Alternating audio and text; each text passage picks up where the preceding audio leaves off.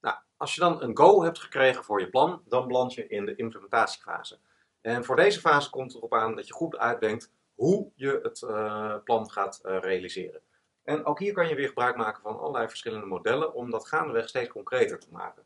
Op het toplevel kan je gebruik maken van een uitrolplan, uh, waarin je beschrijft wanneer je wat gaat realiseren. Op een concreter niveau kan je gebruik maken van fasemodellen of projectplannen. En op het meest concrete niveau van wat je gaat doen, kun je gebruik maken van activiteitenplannen. Dus je ziet hier een uh, mate van toenemende actionability in. Nou, ten aanzien van zo'n uh, uitrolplan moet je bedenken, hè, als je een complex, complex plan hebt waarin je voorziet dat je een aantal verschillende producten over een aantal verschillende markten wilt gaan realiseren, moet je gaan bedenken, omdat je niet alles tegelijk kan doen, wanneer je wat gaat doen, sequentieel. Dus dat kan je heel simpel weergeven in de zin van product A ga, product uh, A ik in uh, markt A neerzetten als eerste. Dan beweeg ik naar product B in diezelfde markt. Dan pas ga ik product C in diezelfde markt doen. Dan ga ik die producten in markt B zetten. dus op die manier kan je een bepaalde volgorde erin aangeven. Dus um, dit is je roadmap van de uitwerking van je plan. Je kan een strategie roadmap hebben of je kan een product roadmap hebben. Uh, en dat geeft dus eigenlijk gewoon aan wanneer wat voor wie. En dat kan een uh, heel geavanceerd beeld worden. Hè? Dus als je in een multinational dit soort um, uitrolplannen maakt, dan uh, kan dat nog wel eens gecompliceerd uitkomen te zien. Het gaat er niet helemaal om dat je, dat je dit voor jezelf gaat ontwikkelen, dergelijke geavanceerde plaatjes. Maar het is puur om een impressie te geven um, hoeveel informatie er in zo'n plaatje terecht kan komen. dus je bent een grote corporate je hebt drie uh, type eh, klantgroepen, klein, medium en groot. Je zit in een hele reeks aan landen. Je wilt verschillende producten invaseren, product A, product B, product C. En daar heb je allerlei verschillende stadia van ontwikkeling voor. Van de ontwikkeling van het product tot en met het bewerken van de markt, tot en met daadwerkelijk verkopen in die markt. En dat kun je dan opbreken in verschillende tijdvakken. En op deze manier zie je dan dus dat je van nou ja, een, een, vlaatje waarin je nog niet zoveel hebt in een bepaald tijdvak, langzaamaan de kaart kan gaan vullen totdat je volop aanwezig bent uh, in die markten. Althans, in de planvorming. En um, met uh, één zo'n overzicht uh, kan je dus een heleboel informatie vatten over verschillende klantsegmenten, over producten, over landen, over perioden en over activiteiten. En uh, dat geeft een bepaalde vorm van, uh, eerste vorm van grip op wanneer er wat moet gaan gebeuren. Dus dat is een uitrolplan dat je kan gaan gebruiken. Maar dan ben je er nog lang niet, want dan moet je natuurlijk nog aan de slag om bijvoorbeeld zo'n eerste cel te gaan realiseren. Um, het ontwikkelen van product A voor kleine klanten in Nederland. Nou, dat is een project op zichzelf. En voor alle uh, vormen van projecten, projecten kenmerken zich door de niet routineuze aard, in ieder geval vanuit je eigen perspectief. En nou ja, dat een bepaald begin heeft en een bepaald eind, ehm, waarin je een gigantisch bakwerk te verzetten hebt, waarbij je nog eventjes moet uitvinden hoe je dat gedaan krijgt. Daarbij kan je gebruik maken van projectmodellen, of projectplannen, of faseplannen, of innovatiemodellen kun je wat mij betreft allemaal een beetje als eh, synoniem zien. Want wat doen al die modellen? Ze bieden een bepaald proces, ze bieden een, zicht op een bepaald mogelijk proces en ze opperen waarschijnlijk verstandige acties om te ondernemen. En de algemene structuur van die modellen is heel vaak een uh, voorontwikkelingsfase, een ontwikkelingsfase en een naontwikkelingsfase.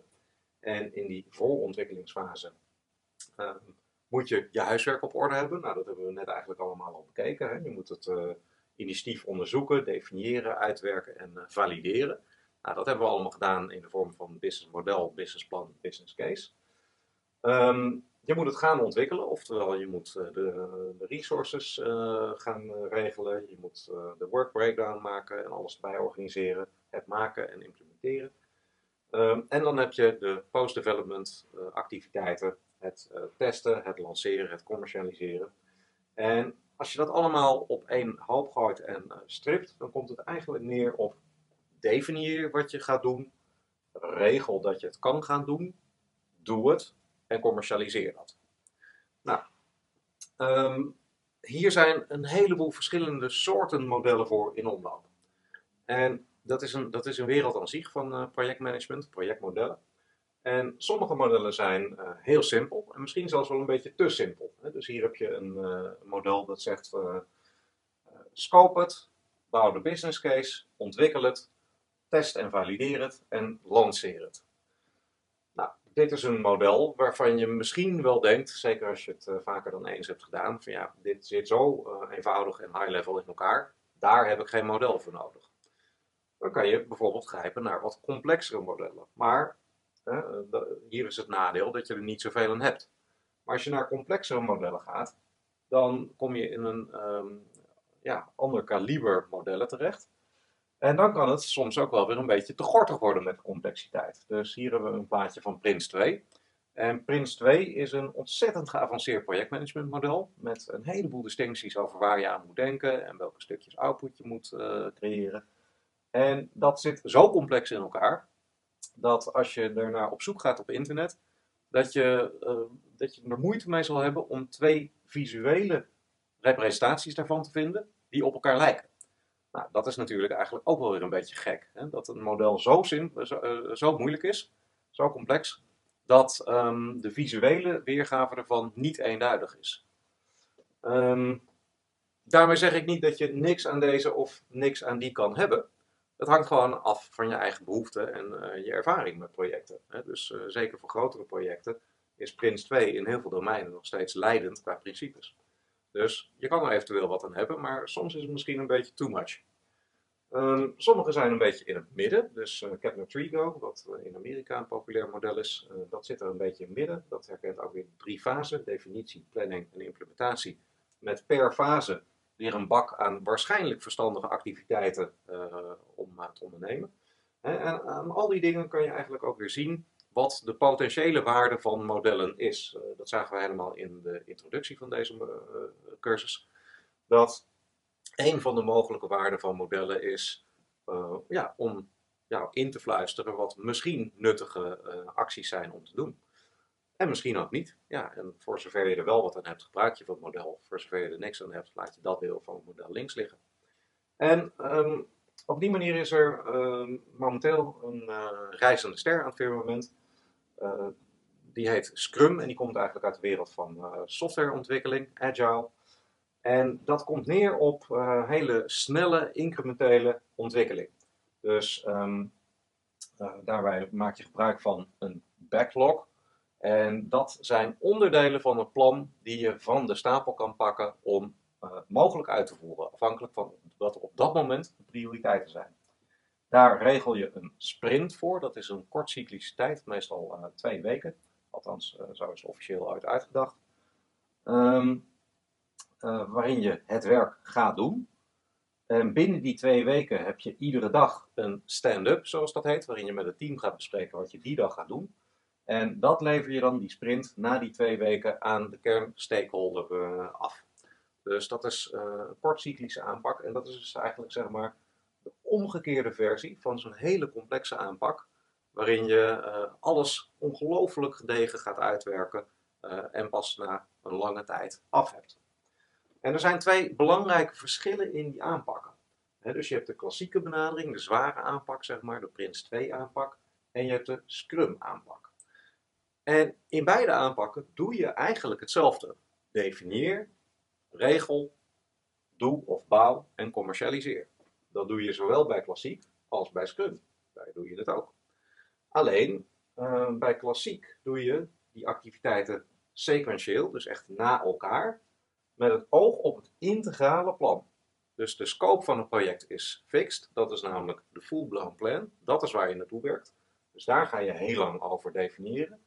Dat ga je heel lang regelen, heel lang bouwen en heel lang commercialiseren.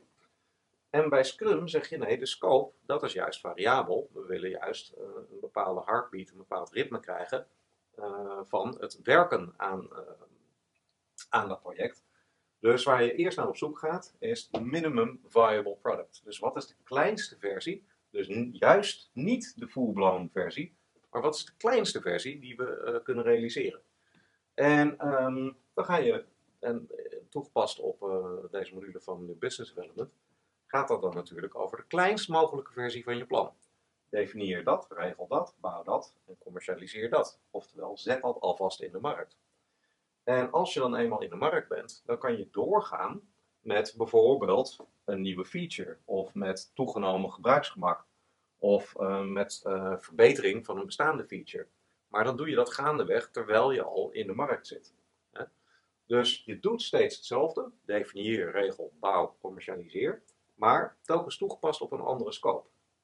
En um, omdat je dezelfde dingen doet, lijkt het misschien alsof het een beetje hetzelfde is, maar het uh, verschilt toch vrij wezenlijk uh, van elkaar, deze twee aanpakken. Daarbij heeft Scrum een aantal belangrijke voordelen ten opzichte van de klassieke aanpak. Want je hebt in de eerste instantie veel minder initiële investeringen nodig. Ja, dat uh, ligt ook al voor de hand, want je hier maar een hele kleine scope van een minimum viable product tegenover de full-blown scope in de klassieke aanpak. Dat betekent ook dat je veel sneller aan het handelen bent. En dat betekent dat je veel minder noodzaak hebt voor een businessmodel, businessplan, business case. Dus dat is het hele uitdenkwerk uh, van het uitdenken van het wat. En dit is dan ook de reden waarom er momenteel een uh, stroming uh, mensen is die zeggen van ja, businessmodel, businessplan, business case, dat is allemaal uit de tijd. De lean startup. Dus je moet gewoon beginnen. Maar dat moet je dan eventjes doen rond de minimum viable version of the company.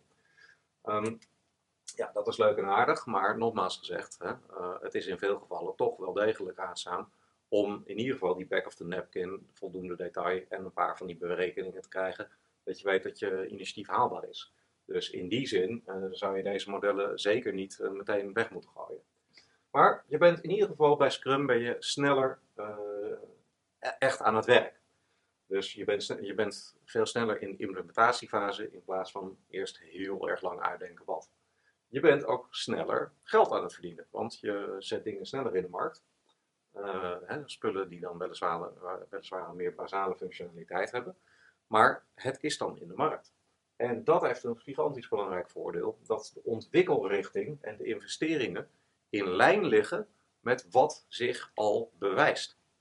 Oftewel, je krijgt direct feedback uit de markt. Uh, en dat geeft je eigenlijk al een richtingaanwijzing van wat je hierna moet gaan bouwen. Dus veel voordelen van Scrum ten opzichte van klassiek. Nou, dat gezegd hebben we. Um, niet alle projecten kunnen Scrum-stijl worden aangepakt. Dus uh, bijvoorbeeld de bouw van een uh, nucleaire fabriek.